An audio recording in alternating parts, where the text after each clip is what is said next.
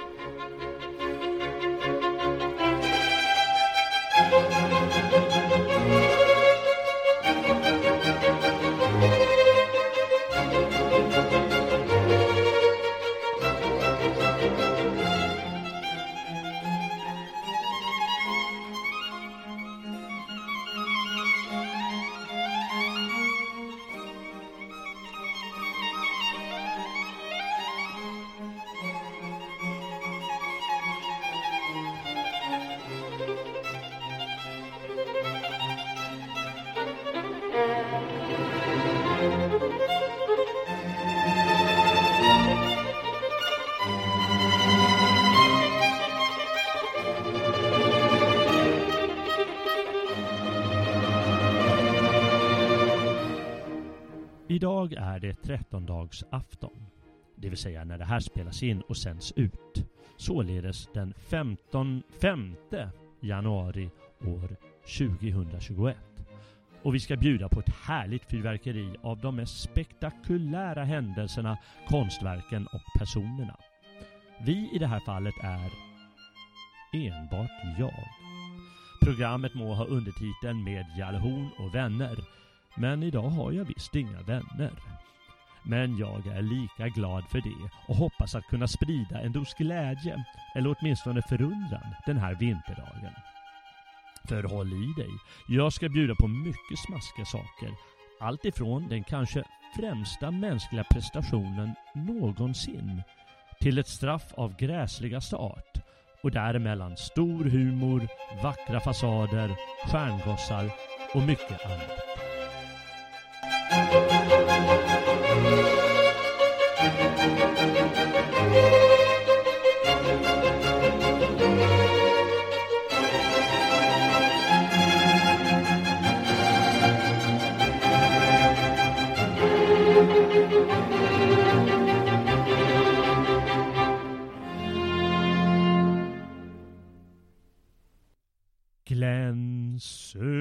över sjö och strand sjunger vi på juletiden. Texten är av Viktor Rydberg. Dikten heter Betlehems stjärna från romanen Vapensmeden och musiken av Alice Tegnér. Vet hon med våra klassiska barnsånger. Fast det finns faktiskt flera tonsättningar av dikten.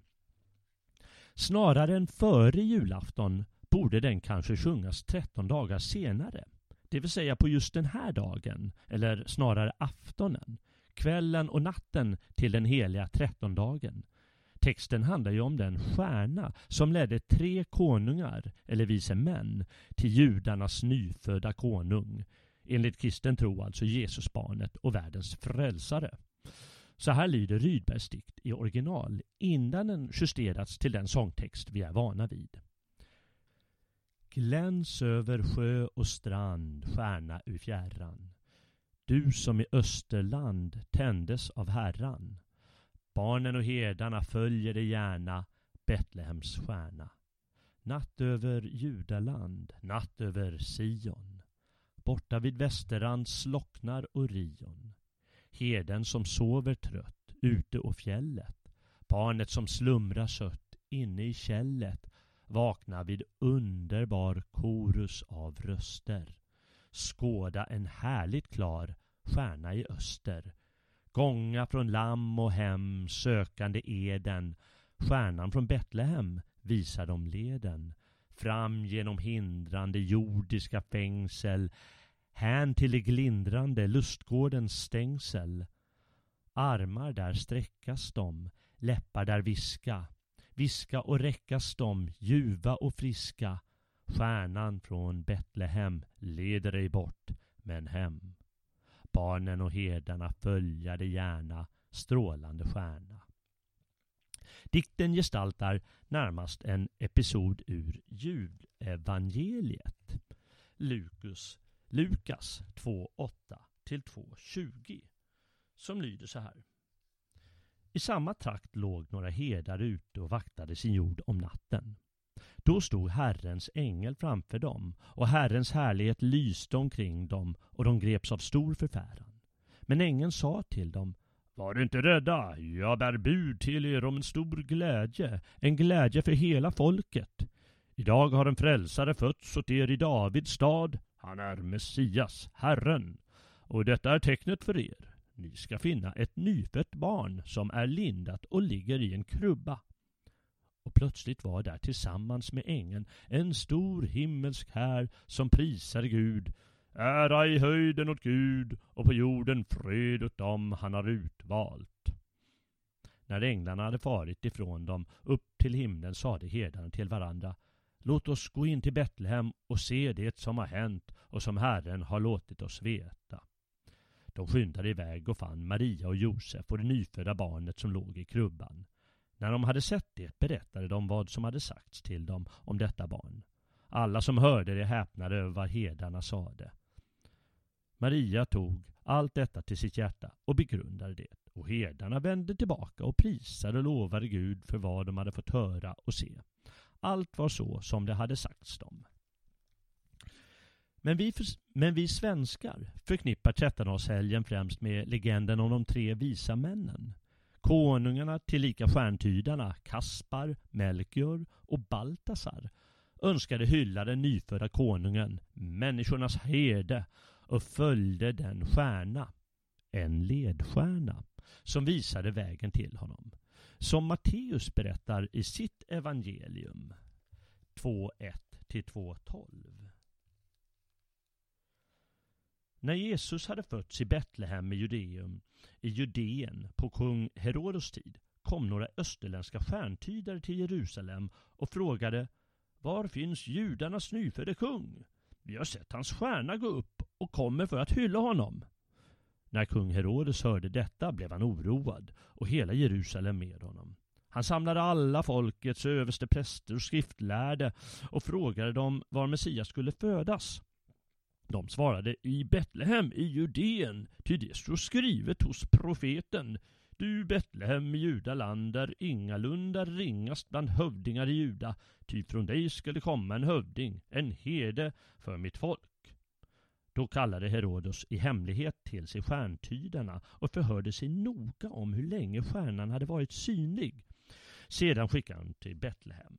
Bege er dit och ta noga reda på allt om barnet, sa han.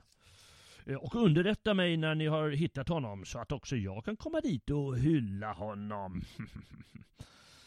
Efter att ha lyssnat till kungen gav de sig iväg och stjärnan som de hade sett gå upp gick före dem tills den slutligen stannade över den plats där barnet var.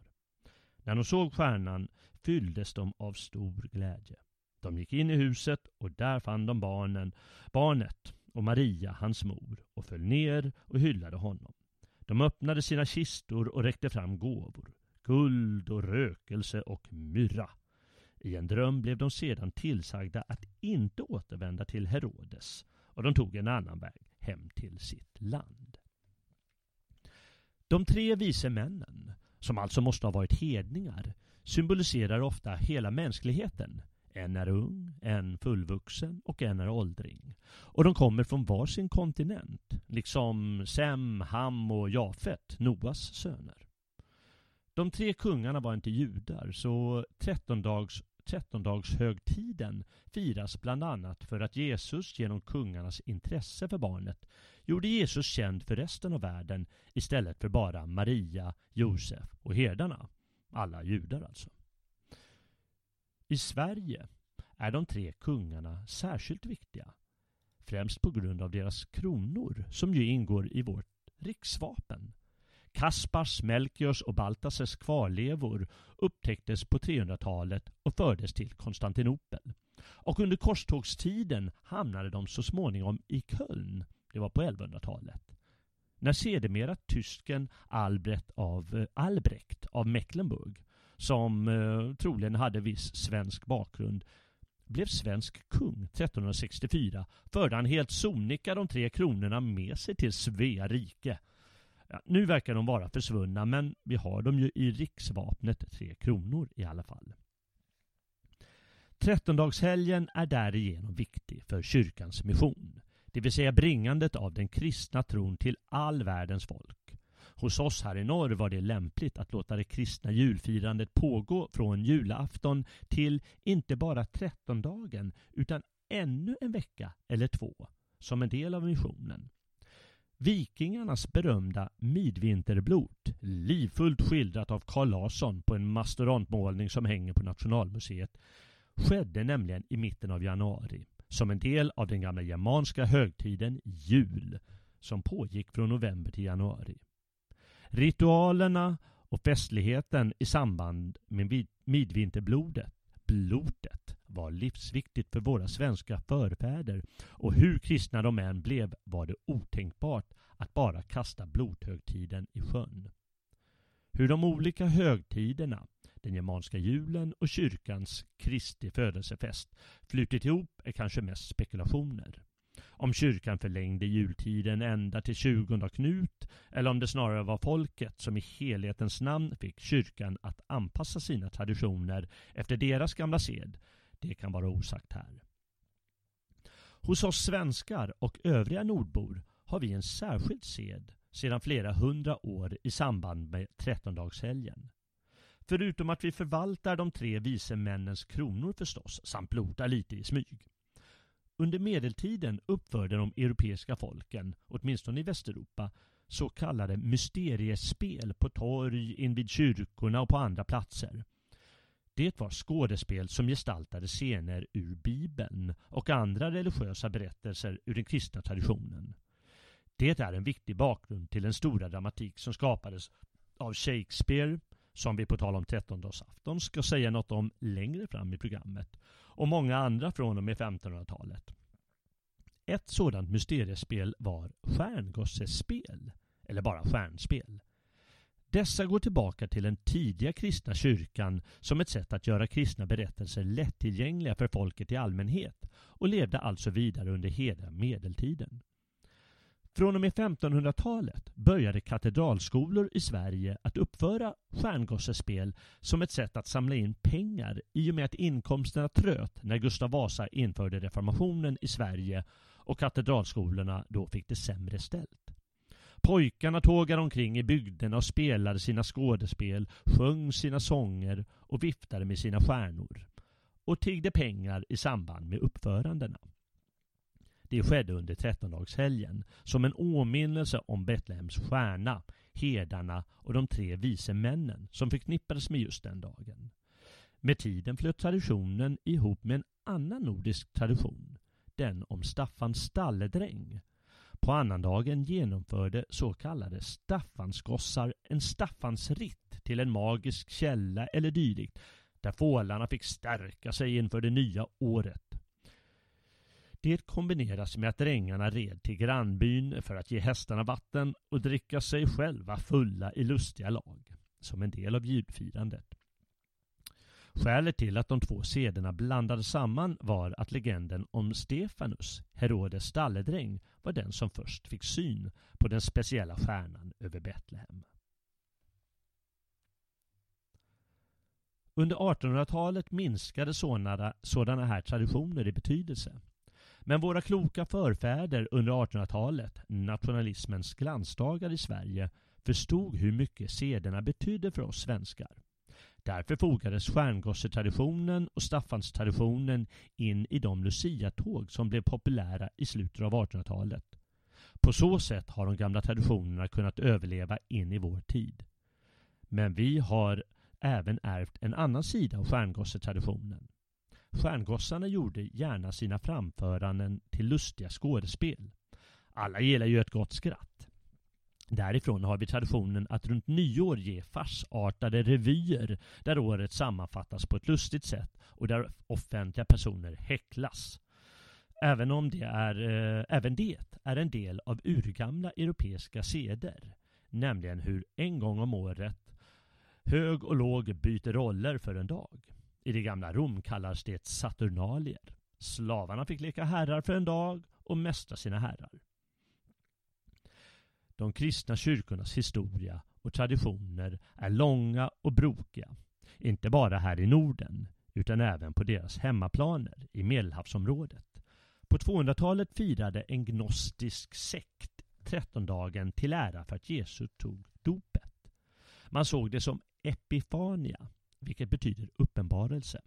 Alltså Jesu uppenbarelse som Guds son, en hörnsten i den kristna tron. Högtiden heter just Epifania på många håll i världen. Sekten firade Epifania såsom Jesu andliga födelsedag. För att konkurrera ut den här sekten valde den östliga fornkyrkan då att förlägga Jesu fysiska födelse till just den dagen samt behålla dopet då. Och de lyckas i sitt värv.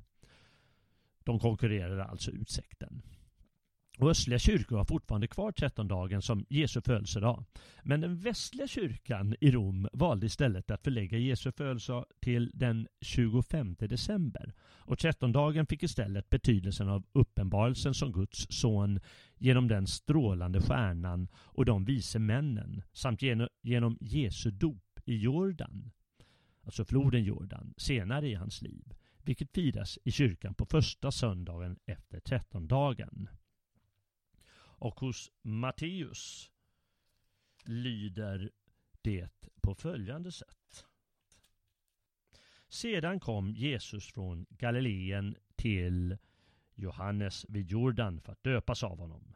Men Johannes ville hindra honom och sade Det är jag som behöver döpas av dig och nu kommer du till mig. Jesus svarade Låt det ske. Det är så vi ska uppfylla allt som hör till rättfärdigheten. Då lät han det ske. När Jesus hade blivit döpt steg han genast upp i vattnet. Himlen öppnade sig och han såg Guds ande komma ner som en duva och sänka sig över honom. Och en röst från himlen sade Detta är min älskade son, han är min utvalde.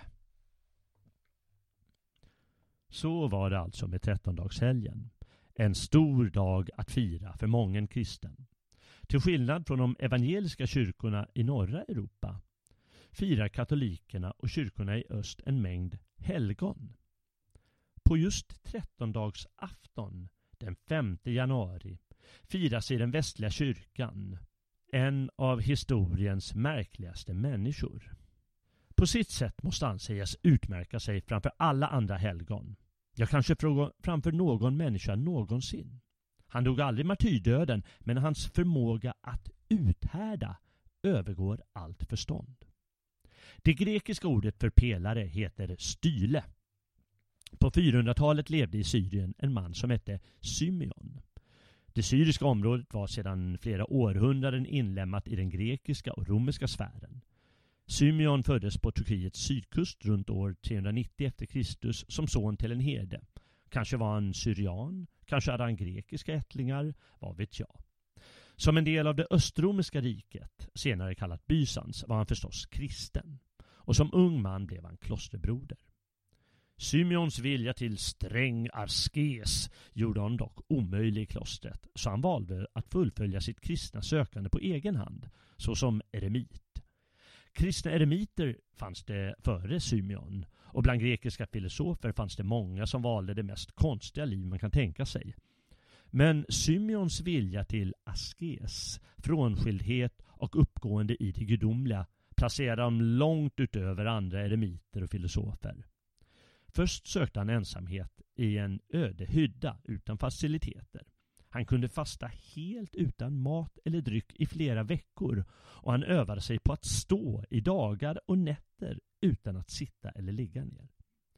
Symeon blev snart känd och hyllades för sin förmåga att välja bort jordelivet.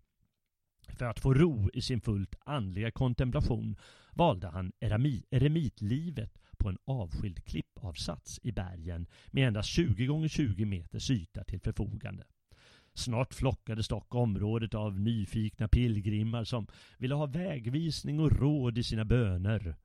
För att slippa packet såg, han, eh, såg Symeon till slut eh, ingen annan råd än att söka sig en pelare för att finna ro. Det är därför han gått till historien som Symeon Styliten. Style sa vi ju betyder pelare på grekiska. I en tempelruin fann han en lämplig pelare och lät bygga en avsats på dess topp.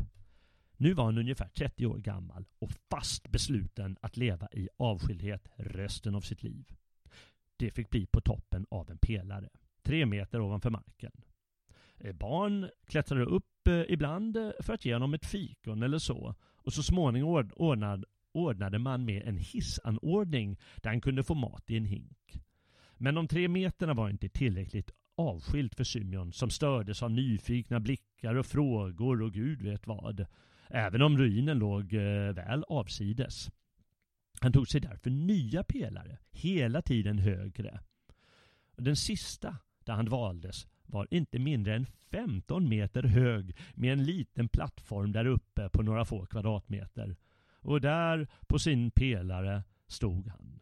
Och kanske satt och låg ibland i inte mindre än 37 år. Ständigt försjunken i sin tro.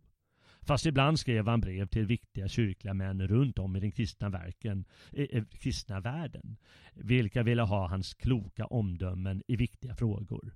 Och ibland åt han väl en daddel eller två. Kyrkans män byggde murar runt hans pelare så att han kunde få sin ro nära sin Gud och inga böner kunde få ner honom från pelaren, inte ens när han var dödligt sjuk. Men även Symeon Styliten måste dö en dag.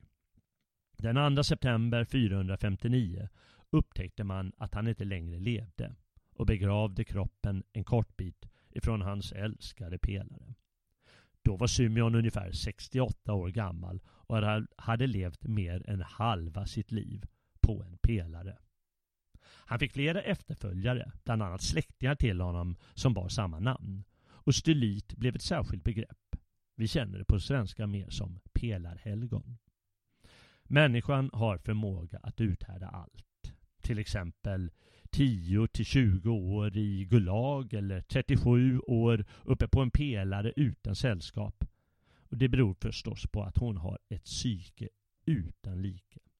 Jag har svårt att tro att något djur kan mäta sig med människan när det gäller envishet, besatthet, viljekraft och dylika förmågor.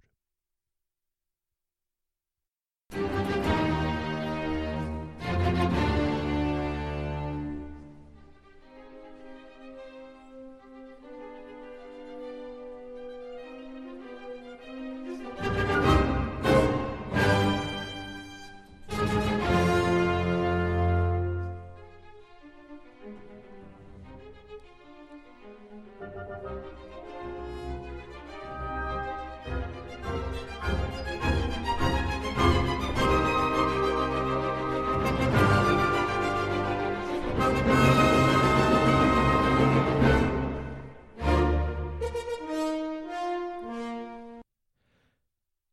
Person som uthärdade länge, men som var tvungen att slutligen ge sig var, nej, inte Ludwig van Beethoven, utan en fransman vid namn Robert François Damiens. Han kunde omöjligen uthärda det han genomlevde de sista timmarna av sitt arma liv. För 264 år sedan, den ödesdigra dagen den 5 januari 1757, genomförde Damiens ett mordförsök på den franska kungen Ludvig den femtonde. I Versailles när kungen skulle kliva in i sin vagn sprang Damiens fram och högg honom med en pennkniv. Eftersom det var vinter hade kungen tjocka kläder och sårades bara lätt. Vissa historiker menar att Damiens måste ha varit sinnessjuk och, och det låter inte helt oävet med tanke på det relativt meningslösa mordförsöket. Händelsen var inte särskilt ödesdiger för kungen men desto mer för Damiens. Det där skulle han aldrig ha gjort. Man skrattar kanske lätt åt det tafatta försöket att mörda kungen men skrattet fastnar lätt i halsen när man studerar Damiens vidare öde, hans bestraffning. Det ska redan här sägas att det var den sista gången någon bestraffades på detta fruktansvärda sätt i Frankrike och säkert resten av Europa, åtminstone snart nog. Därmed förstår du säkert, kära lyssnare, att det kan vara dags att stoppa fingrarna i öronen några minuter om du är särskilt känslig. För jag kommer nämligen att berätta flera, flera detaljer om Damiens straff. Och om du är känslig är det kanske inte rätt musik för dig. Om du hellre vill läsa redogörelsen finns den beskriven i eh, Michel Foucaults bok Övervakning och straff eh, samt Johnny Ambrius bok Att dömas till döden tortyr, kroppsstraff och avrättningar genom historien. Jag tror det står där. Samt översiktligt på svenska Wikipedia. Jag säger till när jag börjar med de obehagliga detaljerna så att du kan stänga av för tillfället där. Robert François Damiens avrättades den 2 mars efter diverse förhör och planering av ett groteskt skådespel, det vill säga avrättningen. Damiens motiv kan vi här förbise. Och nu ska jag först läsa en halv sida om avrättningen följt av några detaljer som nämns. Det tar väl ett par minuter om du hellre vill spola fram. Efter sitt attentat mot Ludvig den femte, 15 dömdes Damiens den 2 mars 1757 till att göra avbön framför huvudingången till Notre Dame dit han skulle föras. I en kärra, naken, endast iförd en skjorta och bärande ett brinnande vaxljus på två skålpund. I denna kärra och på en schavott som skulle resas på Place de Grève skulle han därefter knipas med glödande tänger i bröstet, armarna, låren och vaderna. Hans högra hand, hållande kniven med vilken han begått sitt fadermord, ska brännas med svaveleld och i såren ska hällas smält bly, kokande olja och brinnande kära samt vax och svavel sammansmälta. Därefter ska hans kropp slitas i stycken av fyra hästar. Hans lemmar och hans bål kastas i elden och förbrännas samt askan strös för vinden. Slutligen slets han i stycken, berättar Gazette Amsterdam, en tidning alltså, den 1 april 1757. Detta tog lång tid, ty de hästar som användes var inte vana att dra. Istället för fyra fick man därför spänna för sex stycken hästar. Och när inte det heller visade sig tillräckligt blev man tvungen att skära av senorna och hacka sönder lederna för att skilja den olyckliges lår från bålen. Det påstås att inte en enda hädelse kom över hans läppar trots att han alltid flitigt nyttjat svordomar. De omåttliga plågorna fick honom bara att utstöta ohyggliga skrik och han upprepade ideligen Min Gud, förbarma mig, förbarma dig över mig, Jesus hjälp mig. Åskådarna blev alla uppbyggda av att se den omsorg med vilken kyrkoherden i Sankt Paul, trots sin höga ålder, oavlåtligt tröstade brottslingen. Det här låter ju smått galet, tycker vi i vår tid, som vi kallar mer humanistisk och upplyst kanske. Eh, men, eh, och eh, det, och det förstår man kanske när man tittar på vissa detaljer här. Man hällde alltså kokande bly i hans sår och de här hästarna klarade alltså inte av att slita honom i stycken.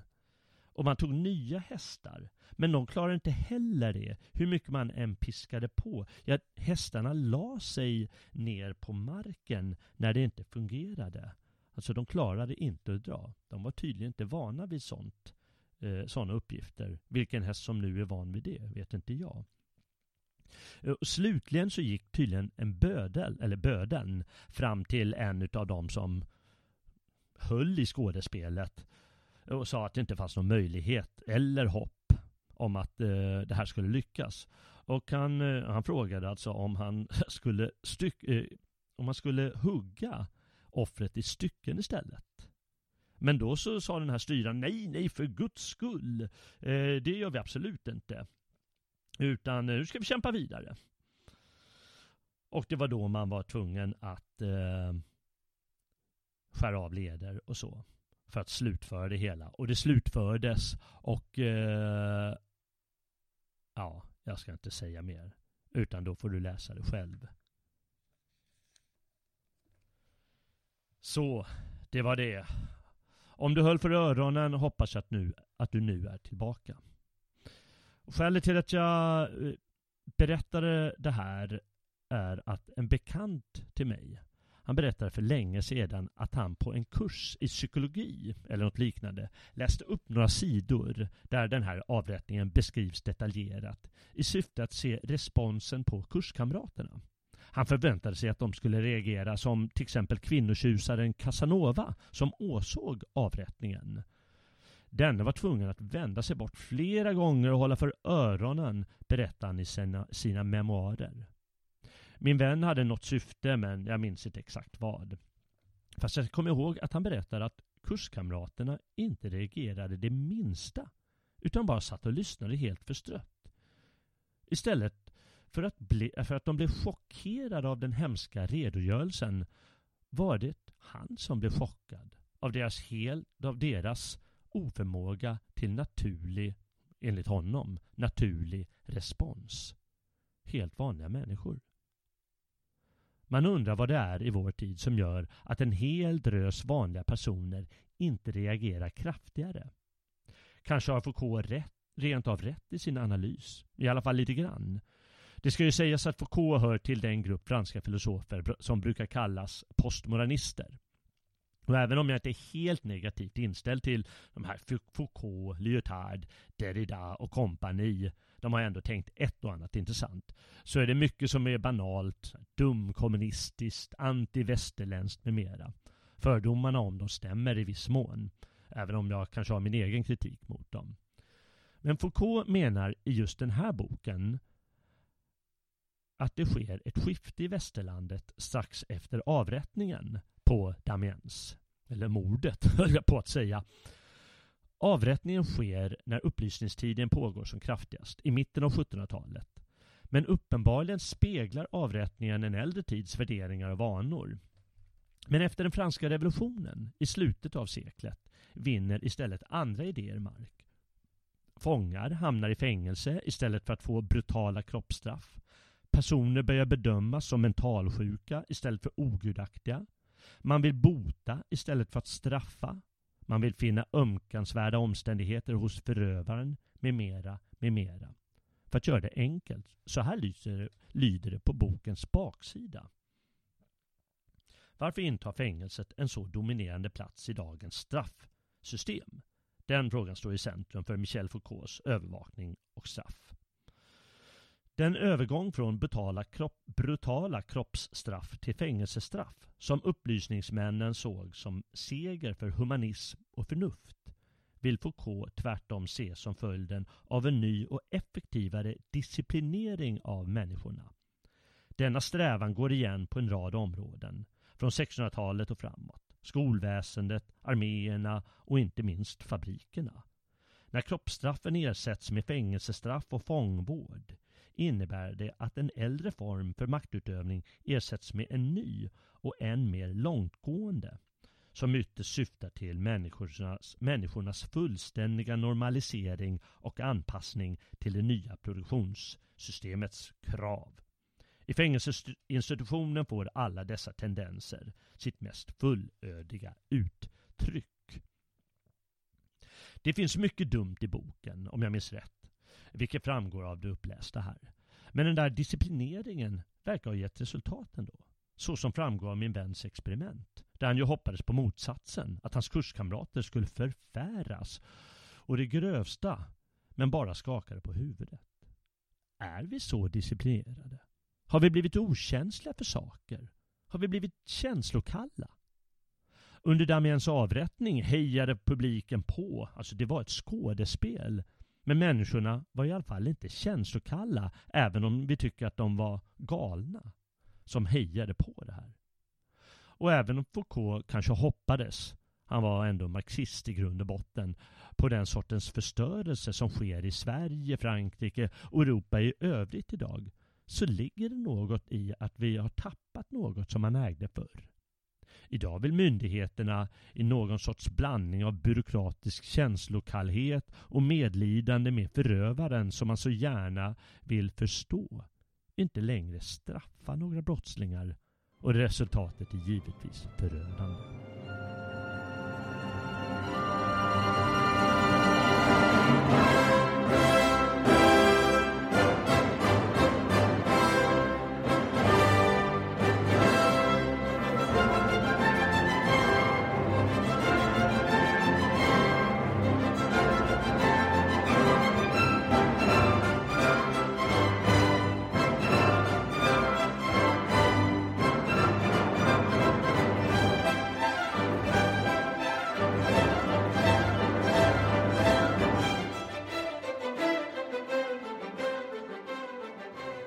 Damiens, den stackaren, gick det mest gruvliga död till mötes.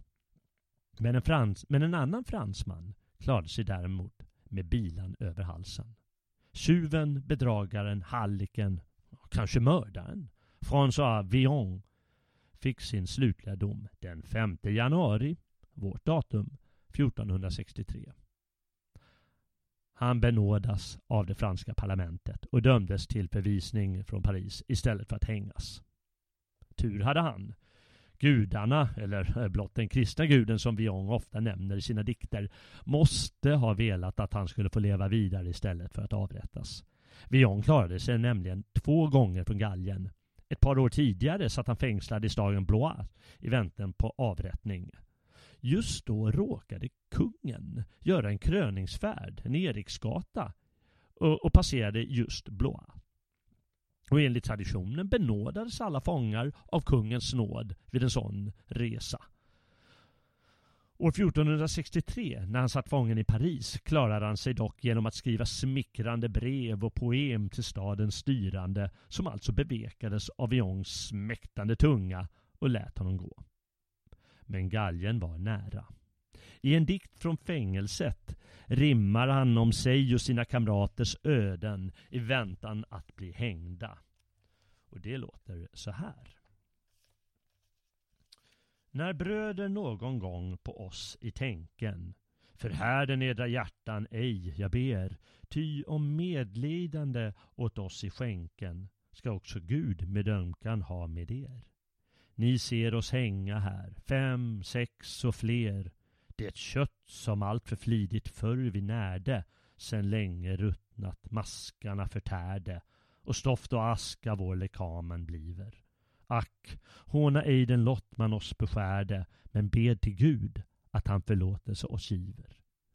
Om ni med rätta våra bröder heta, förakta icke dem som döden nått på lagens bud, Ty ni förvisso veta att sinnets jämvikt ej envar har fått. Nej, lägg ett ord för oss som hädangått hos jungfruns son, att icke nådens flöden må sina när han granskar våra öden, och att ej evig straffdom han oss skriver. Vi har gått bort, men vi får ro i döden och ber till Gud att han förlåtelse oss giver. Se, regnet våra kroppar sköljt och tvättat och de har svärtats utav solens glöd. Med våra ögon skatorna sig mättat och ryckt bort hår och skägg och oss man bjöd den vila ej som eljest får en död.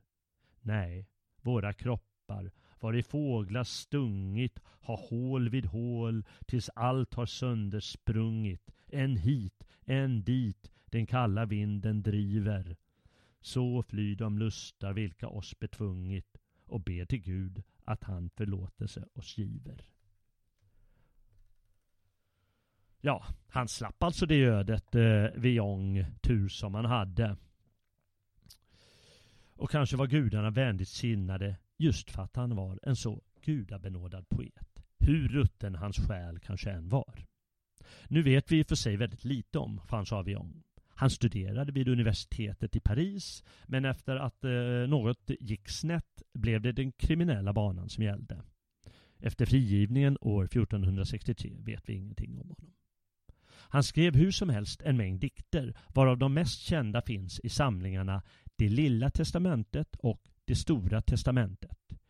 Och hans idé är att han måste testamentera sina saker på grund av någon incident. Varmed han kan komma med olika lustigheter men också bikta sig och komma med diverse reflektioner. En sådan reflektion passar just till Viong och hans verkade som gräsliga liv. Och Jesus själv glömde aldrig att påpeka det i sina predikningar, nämligen att det inte spelar någon roll om du är hög eller låg, rik eller fattig, skurk eller redig jurist. Ingen går säker på vägen till himmelriket. Ja, Jesus menar stundom att de sämre människorna har företräde till himmelriket. Och alla måste dö. Samma död påminner vi oss, vi ång, oss om. Den tanken som på latin kallas memento mori, minns att du ska dö, meddelar Viong oss med bravur. Här i några dikter från det stora testamentet. Nummer 149. Där, huvuds där huvudskål vid huvudskål i benhus lagrade vi skåda ihop med knotor, ben och bål lär intet kunna mer förråda om konungens fogde det var, om det var löskedräng alena och skilja bisp från dagakar lär då till intet kunna tjäna. Så nummer 150. Och de som i det år som flytt ägt makt att bjuda och befalla och de som de i fruktan lytt har om varandra blandats alla. Här slumrar de i dödens ström och ingen klärk och lekman heter och bort i tidens kalla ström försvunnit makt och härligheter. Nummer 151. Ta deras själ, Gud, i din famn. Förmultna deras kroppar vorden. Haft de en stora herrars namn och ädla fruars här på jorden har läckra ting fyllt deras buk till, staff, till stoft och aska här de bliva och ha för skämt och skratt i bruk må Herren nådigt dem tillgiva.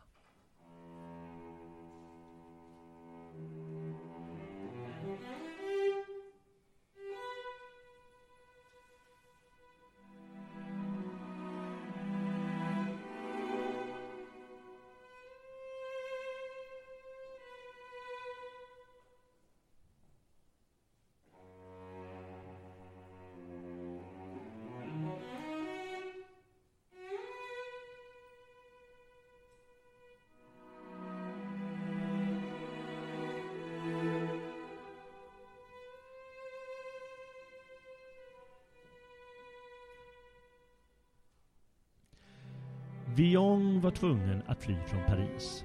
Men låt oss stanna kvar där ett litet tag. Fast några århundraden senare.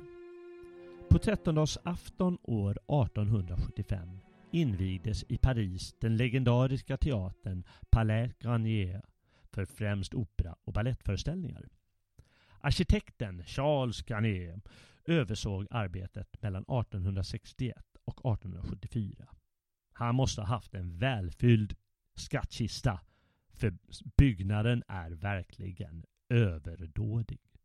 Stilen som kallas monumental nybarock passar alldeles utmärkt eftersom operahuset är nog så monumentalt och det använder barockens mångfacetterade register för både byggnadsformer och ornamentik. Byggnaden har kallats både essensen av skönhet och alltför svulstigt. Givetvis menar modernistiska arkitekter och konstvetare med Le Corbusier i högsätet att byggnaden bara är fel. Men de pratar i nattmössan. Operahuset är kort och gott oerhört vackert. Och det har fantastiska arkitektoniska kvaliteter. Faktum är att man vid åsynen av huset inte bara häpnar av all prakt. Man blir samtidigt rofylld och harmoniskt stämd. Och jag föreslår att du eh, tittar på till exempel den engelska Wikipedia på sökordet eh, Palais Garnier. Och hur kan det komma sig att man häpnar av all prakt och samtidigt blir rofylld och harmoniskt stämd? För det är inte lätt att åstadkomma sådana effekter. Först ska det sägas att det intrycket i första hand gäller framsidan, som sig bör förstås. Givetvis märker man direkt av de många detaljerna. Guldstatyer på taket, många skulpturala ornament samt rika former i ett överdåd. Bågar, cirklar, räta linjer med mera. Men samtidigt finns det en mycket stark symmetri som stagar upp överdådigheten. Och dessutom, och kanske inte minst, finns där en mycket mjuk vilande tyngd. Byggnaden både stiger upp i luften, det gör ju en byggnad, och vilar rofyllt på marken, som en byggnad också bör göra. De effekterna åstadkoms mycket säkert och konstfullt genom både valen av former på respektive plats och ornamenten samt själva helheten. Och här är inte platsen att analysera hur det sker genom de olika detaljerna. Men jag vill här och nu bara konstatera att man storknar av skönheten hos Palais Garnier.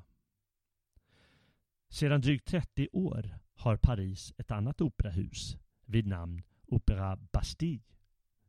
När man sjunkit in i själslig frid och upphetsning genom att ha stirrat på Palais Garnier ett tag på grund av dess både överdådiga rikedom och sköna harmoni.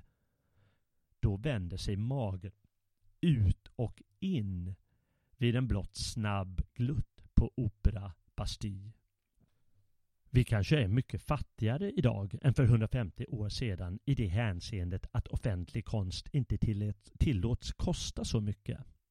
Men det är ändå pinsamt att de inte förmår bättre, dagens arkitekter.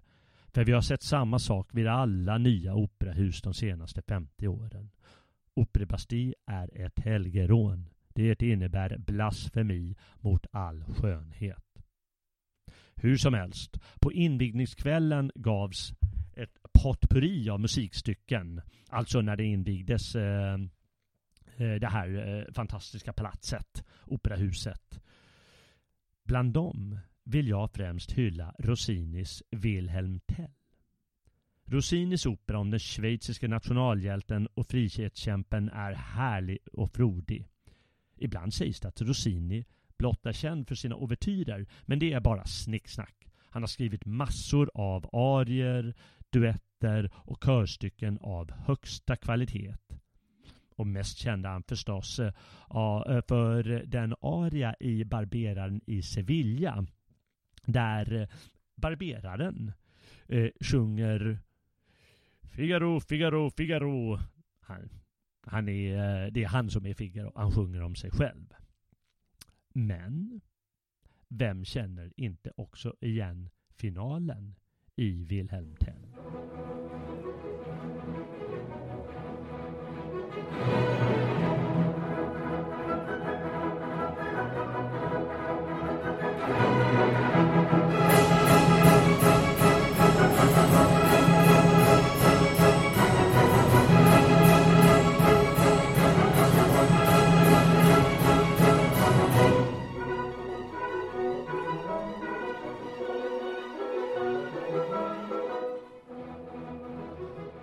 Tal om Paris-premiärer hade en av 1900-talets mest kända skådespel sin premiär i just Paris på trettondagsafton 1953. Irländaren Samuel Beckett skrev flera av sina verk på franska. Det mest kända av dem är dramat I väntan på Godot. Stilen brukar kallas absurd teater eller absurdistisk dramatik eftersom den på något sätt vill skildra det absurda lagret i tillvaron. Handlingen är enkel, ja närmast intetsägande. Två personer väntar på att en viss Godot ska dyka upp, men han kommer aldrig. De får besked av den här Godot, men det leder inte till något. Ett par andra konstiga typer dyker upp, men inte heller det bidrar till något. Och mycket mer än så är det inte som händer. Dramat handlar kort och gott om väntan på Godot. Ett av Beckets syfte är att låta händelserna, kommunikationen, ja, själva handlingen gå på tomgång. Meningen är kanske inte att spegla något slags tomhet i den moderna världen utan visa upp en sorts tomhet som finns i själva den mänskliga existensen. Den absurda teatern är en del av existentialismen, en av 1900-talets filosofiska grenar som bland annat menar att det inte finns någon föreskriven essentiell mening för oss som existenser. Till exempel en gud med tio budord. Existensen föregår essensen, säger till exempel filosofen Sartre. Meningen i tillvaron är något vi måste skapa själva eller kanske snarare tillsammans, menar existentialisterna. Men hur skapar vi mening? Betydelsefullhet och syften med vår tillvaro? Ja, det är inte det lättaste. Och kanske är det just det som Beckett vill komma åt. Ett drama har av tradition en handling med röd tråd som leder fram till särskilda mål, intrigens upplösning. Det är så att säga dramats mening. Men i Beckets pjäs blir vi som publik konfunderade eftersom allt går på tvärs med våra förväntningar. Inget tycks i slutändan ha något syfte eller mening i och med att dramatiken inte leder någon vart. Många har letat efter meningar i dramat, till exempel genom att tolka Godot som Gud, som karaktärerna väntar på, som hjälp att komma vidare i sina värv. Är Gud således död i vår tid? Men sådana tolkningar går nog bet på egenarten hos I väntan på Godot. Då tolkar vi ju in mening där på något sätt inte finns någon. Tolkningarna kommer att gå på tomgång precis som dramats handling. Helt oäven är inte, helt oävet är inte Beckets drama. Det är på sitt sätt både underhållande och tänkvärt, trots dess lite frustrerande absurditeter men det är ändå sorgligt att 1900-talets kanske mest kända skådespel är ett relativt meningslöst stycke. Kunde vi inte bättre än så? Det får allt bli en utmaning för det här århundradets konstnärer, tycker jag.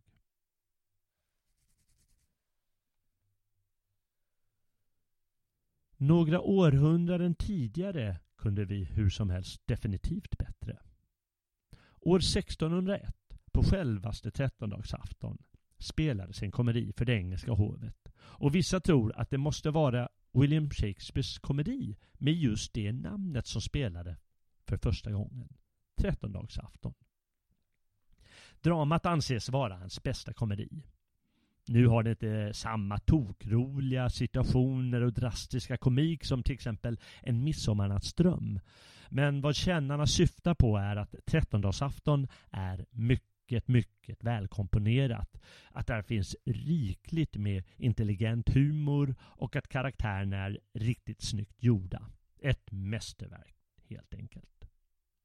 Handlingen använder förväxlingstemat som har varierats i det oändliga ända sedan antiken och som renässansens skribenter excellererade i.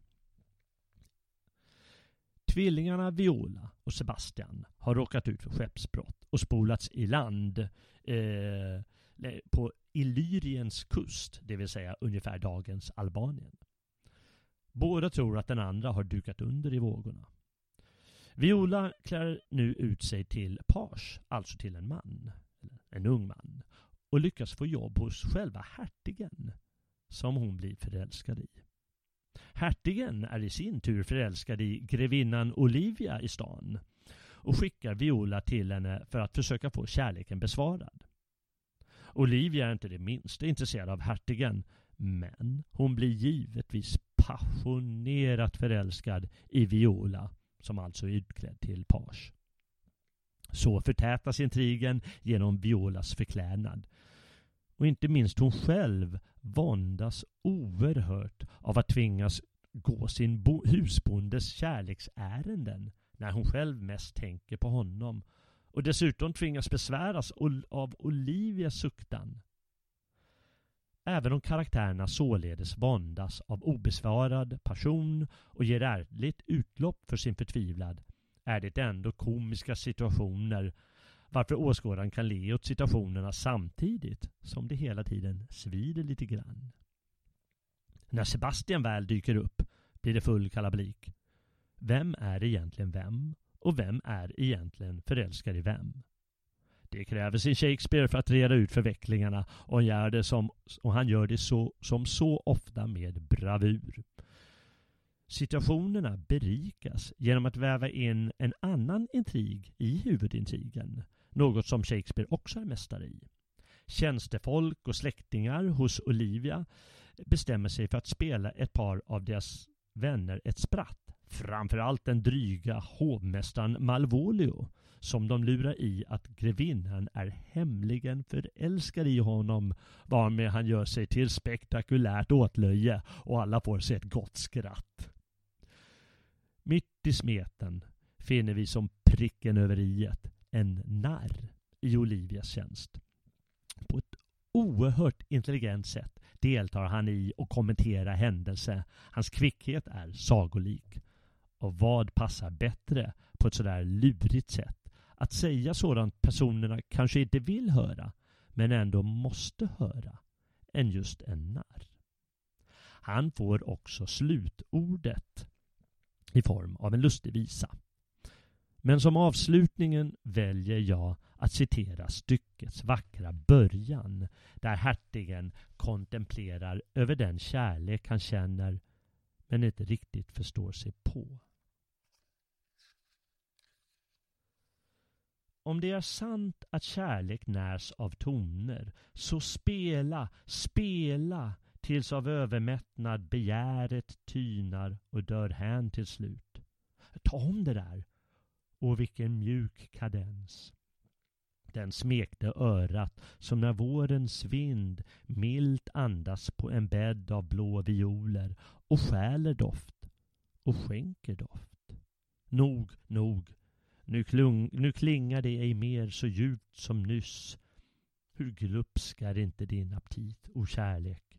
Din famn är vid som oceanens famn, men allt du tar emot, om än så dyrbart, förlorar på en kort minut i värde. Dock, kärleken är evigt alstrande. Dess skaparkraft är utan mått och gräns. Med de sköna orden lider vår trettondagsafton här på gamla och nya stigar mot sitt slut. Jag hoppas att ni har fått lite att tänka på och samtidigt har fått en stunds god underhållning och kanske fina tips på läsning.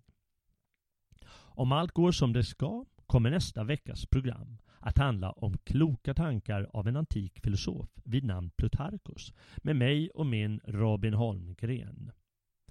Jag tackar nu för mig och hoppas att vi möts snart igen på gamla och nya stigar.